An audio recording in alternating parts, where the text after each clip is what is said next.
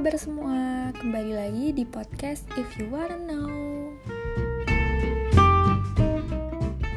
Di segmen kali ini, Siput akan bahas tentang resolusi. Nah, karena kita emang baru nih di tahun 2022 di tanggal 2, nah 2 Januari. Nah, ini sekarang Siput nih lagi pengen ngebahas tentang resolusi. Apa sih resolusi itu? Karena banyak banget nih orang-orang yang pada bikin resolusi 2022 gitu. Apa sih maksudnya? Resolusi adalah bagian dari rencana hidup yang biasanya disusun saat tahun baru tiba. Nah, resolusi ini tuh kerap dibuat ketika orang-orang itu memulai kehidupan yang baru. Karena hal inilah yang membuat orang-orang tuh pada banyak banget yang bikin resolusi tahun 2022. Resolusi adalah rencana yang bersifat menuntut tentang suatu hal di tahun yang baru, resolusi itu dibuat untuk mengisi harapan dan apa yang harus dilakukan seseorang itu. Resolusi sendiri bisa diartikan sebagai ketetapan diri untuk berubah, di mana resolusi ini tuh adalah keinginan untuk melanjutkan praktek yang baik, mengubah sifat atau perilaku yang tidak diinginkan untuk mencapai tujuan pribadi ataupun memperbaiki kehidupan. Tapi faktanya, Gak sedikit orang yang gagal mencapai resolusi yang telah ditetapkannya, entah karena lupa, teralihkan, atau menyerah gitu aja. Terkadang resolusi ini tuh rencana yang mudah dibuat, tapi sulit direalisasikan. Padahal, resolusi adalah bagian penting dalam hidup agar tetap terarah dan memiliki tujuan. Jadi siput baca nih di website hot.liputan6.com bahwa punya resolusi itu penting guys. Karena apa? Yang pertama bahasa otak. Salah satu fungsi terpenting otak itu adalah fungsi eksekutif di mana dia itu memungkinkan seseorang menetapkan dan mencapai tujuan tersebut dari kemampuan kognitif nah inilah yang membuat manusia itu berbeda sama makhluk yang lain karena kalau makhluk lain itu bereaksi berdasarkan naluri Nah, manusia ini tuh mengambil tindakan berdasarkan perencanaan dan resolusinya. Nah, yang kedua itu adalah kejelasan akan tujuan. Jadi karena kita punya resolusi, kita punya tujuan yang akan memberi kamu itu visi dan arah.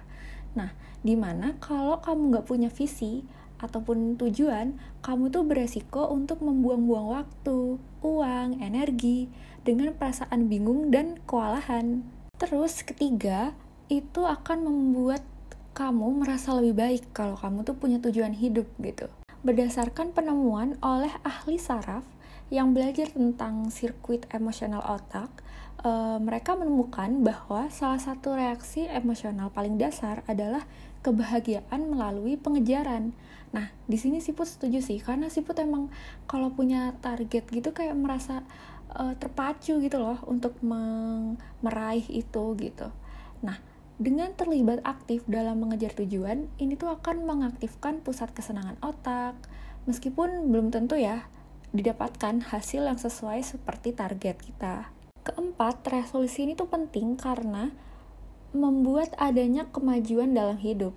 Coba deh, dalam setiap aspek kehidupan manusia, seorang itu mencapai kemajuan karena menetapkan tujuan gitu. Aspek apa aja ya kemajuan di bidang hukum, kebijakan publik, kedokteran, sains, pendidikan, dan apa pun itu, itu tuh bisa terjadi karena seseorang menetapkan dan mengejar serta mencapai tujuan itu.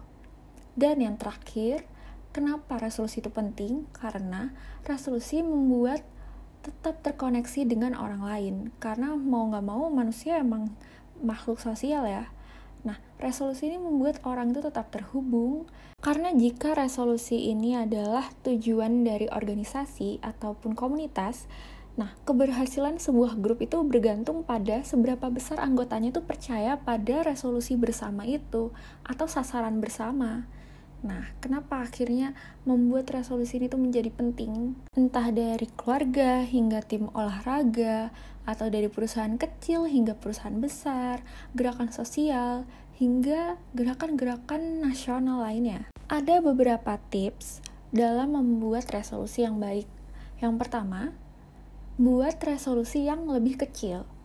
Jadi memusatkan perhatian pada satu tujuan dan kita harus berkomitmen untuk bisa mencapai itu gitu. Kalau pingin punya resolusi yang tercapai ya. Nah, terus juga menentukan resolusi itu secara spesifik gitu. Semakin detail terhadap satu resolusi, maka akan semakin fokus juga kamu untuk mencapai apa yang kamu tentukan untuk kamu lakukan mencapai kesuksesan.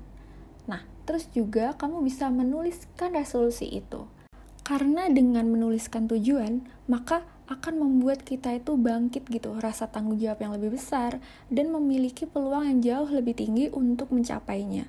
Misal nih, kan banyak ya orang-orang yang nulis resolusi atau tujuan-tujuan hidupnya itu di cermin, atau di uh, meja belajarnya kayak, atau bisa juga menulis jurnal. Nah, dengan menulis jurnal itu juga akan membantu kamu merefleksikan kemajuan gitu.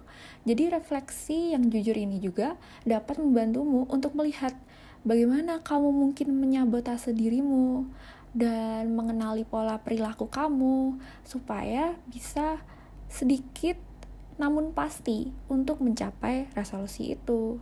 Next step adalah rencanakan tindak lanjutnya. Misalnya nih, dengan membuat rencana anggaran bulanan atau menjadwalkan kegiatan yang bisa mencapai resolusi tersebut. Jangan lupa untuk menilai kembali secara teratur resolusi yang telah kamu buat. Karena misalnya nih, dengan melihat gaya hidup ataupun revisi resolusi, ini tuh bisa memastikan tujuan itu tuh bisa nggak sih untuk tercapai gitu. Jadi nggak salah kok kalau misalnya secara uh, rutin kamu menilai kembali apakah resolusi ini bisa nggak ya aku capai atau perlu aku ganti ya tujuannya atau gimana gitu. Menilai kembali resolusi ini bisa dalam beberapa minggu ataupun beberapa bulan sekali lah untuk dinilai kembali. Nah, yang selanjutnya, cara lainnya itu ada dengan merayakan kesuksesan kecil yang telah kamu peroleh. Memberikan reward ke diri sendiri itu adalah sebuah penghargaan dan itu akan meminimalisir kamu untuk nggak merasa kecil hati guys. Gitu. Terus juga ingat bahwa nggak apa-apa kok kalau misalnya gagal.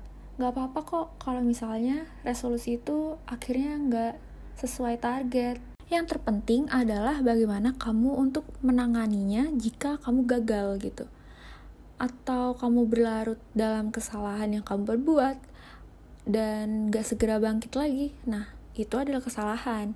Jadi kalau misalnya kamu segera bangkit lagi, segera kembali ke jalur yang benar supaya kejadian kegagalan itu tuh gak terjadi lagi. Nah itu, itu yang penting guys. Cara dan tips yang terakhir nih adalah kamu harus percaya sama dirimu sendiri. Karena siapa lagi yang bisa menguatkan diri kita kalau nggak diri kita sendiri dan yang maha kuasa? Kita ikhtiar kita berusaha. Itu kan dari diri kita. Tapi memang yang maha kuasa lah yang menentukan apa yang terbaik buat kita. Ingat jangan lupa untuk selalu menguatkan diri kita. Karena fisik, mental, jiwa kita tuh penting untuk mencapai resolusi itu sendiri. Kalau misalnya kita nggak percaya, sama diri kita sendiri terus gimana caranya diri kita untuk kuat untuk lebih kokoh lagi menggapai resolusi itu menggapai uh, tujuan dari resolusi yang kamu buat gitu. Dan kalaupun misalnya nih harus ada perubahan atas tujuan yang udah kamu buat sebelumnya dengan kamu mempercayai dirimu sendiri sepenuh hati itu juga akan membuat visi, misi, sasaran, tujuan tergapai lebih mudah. Kalau siput sendiri, apa sih resolusinya di tahun 2022? Kalau siput, hmm, apa ya? Oke deh, siput bongkar. Kalau siput, resolusinya sebenarnya nggak yang susah-susah gimana gitu loh. Nggak yang meng memacu adrenalin gitu. Jadi resolusi siput itu menjadi orang yang lebih baik, maksudnya lebih baik itu ya banyakin sabar kuatin diri perkokoh diri mental biar nggak mental. Dan ya kalau siput bisa merit siput pengennya merit guys. Gitu. So? Kalau kamu, resolusi di tahun 2022-nya apa nih?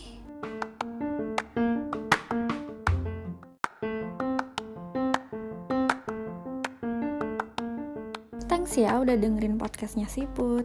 See you in my next podcast. Bye-bye.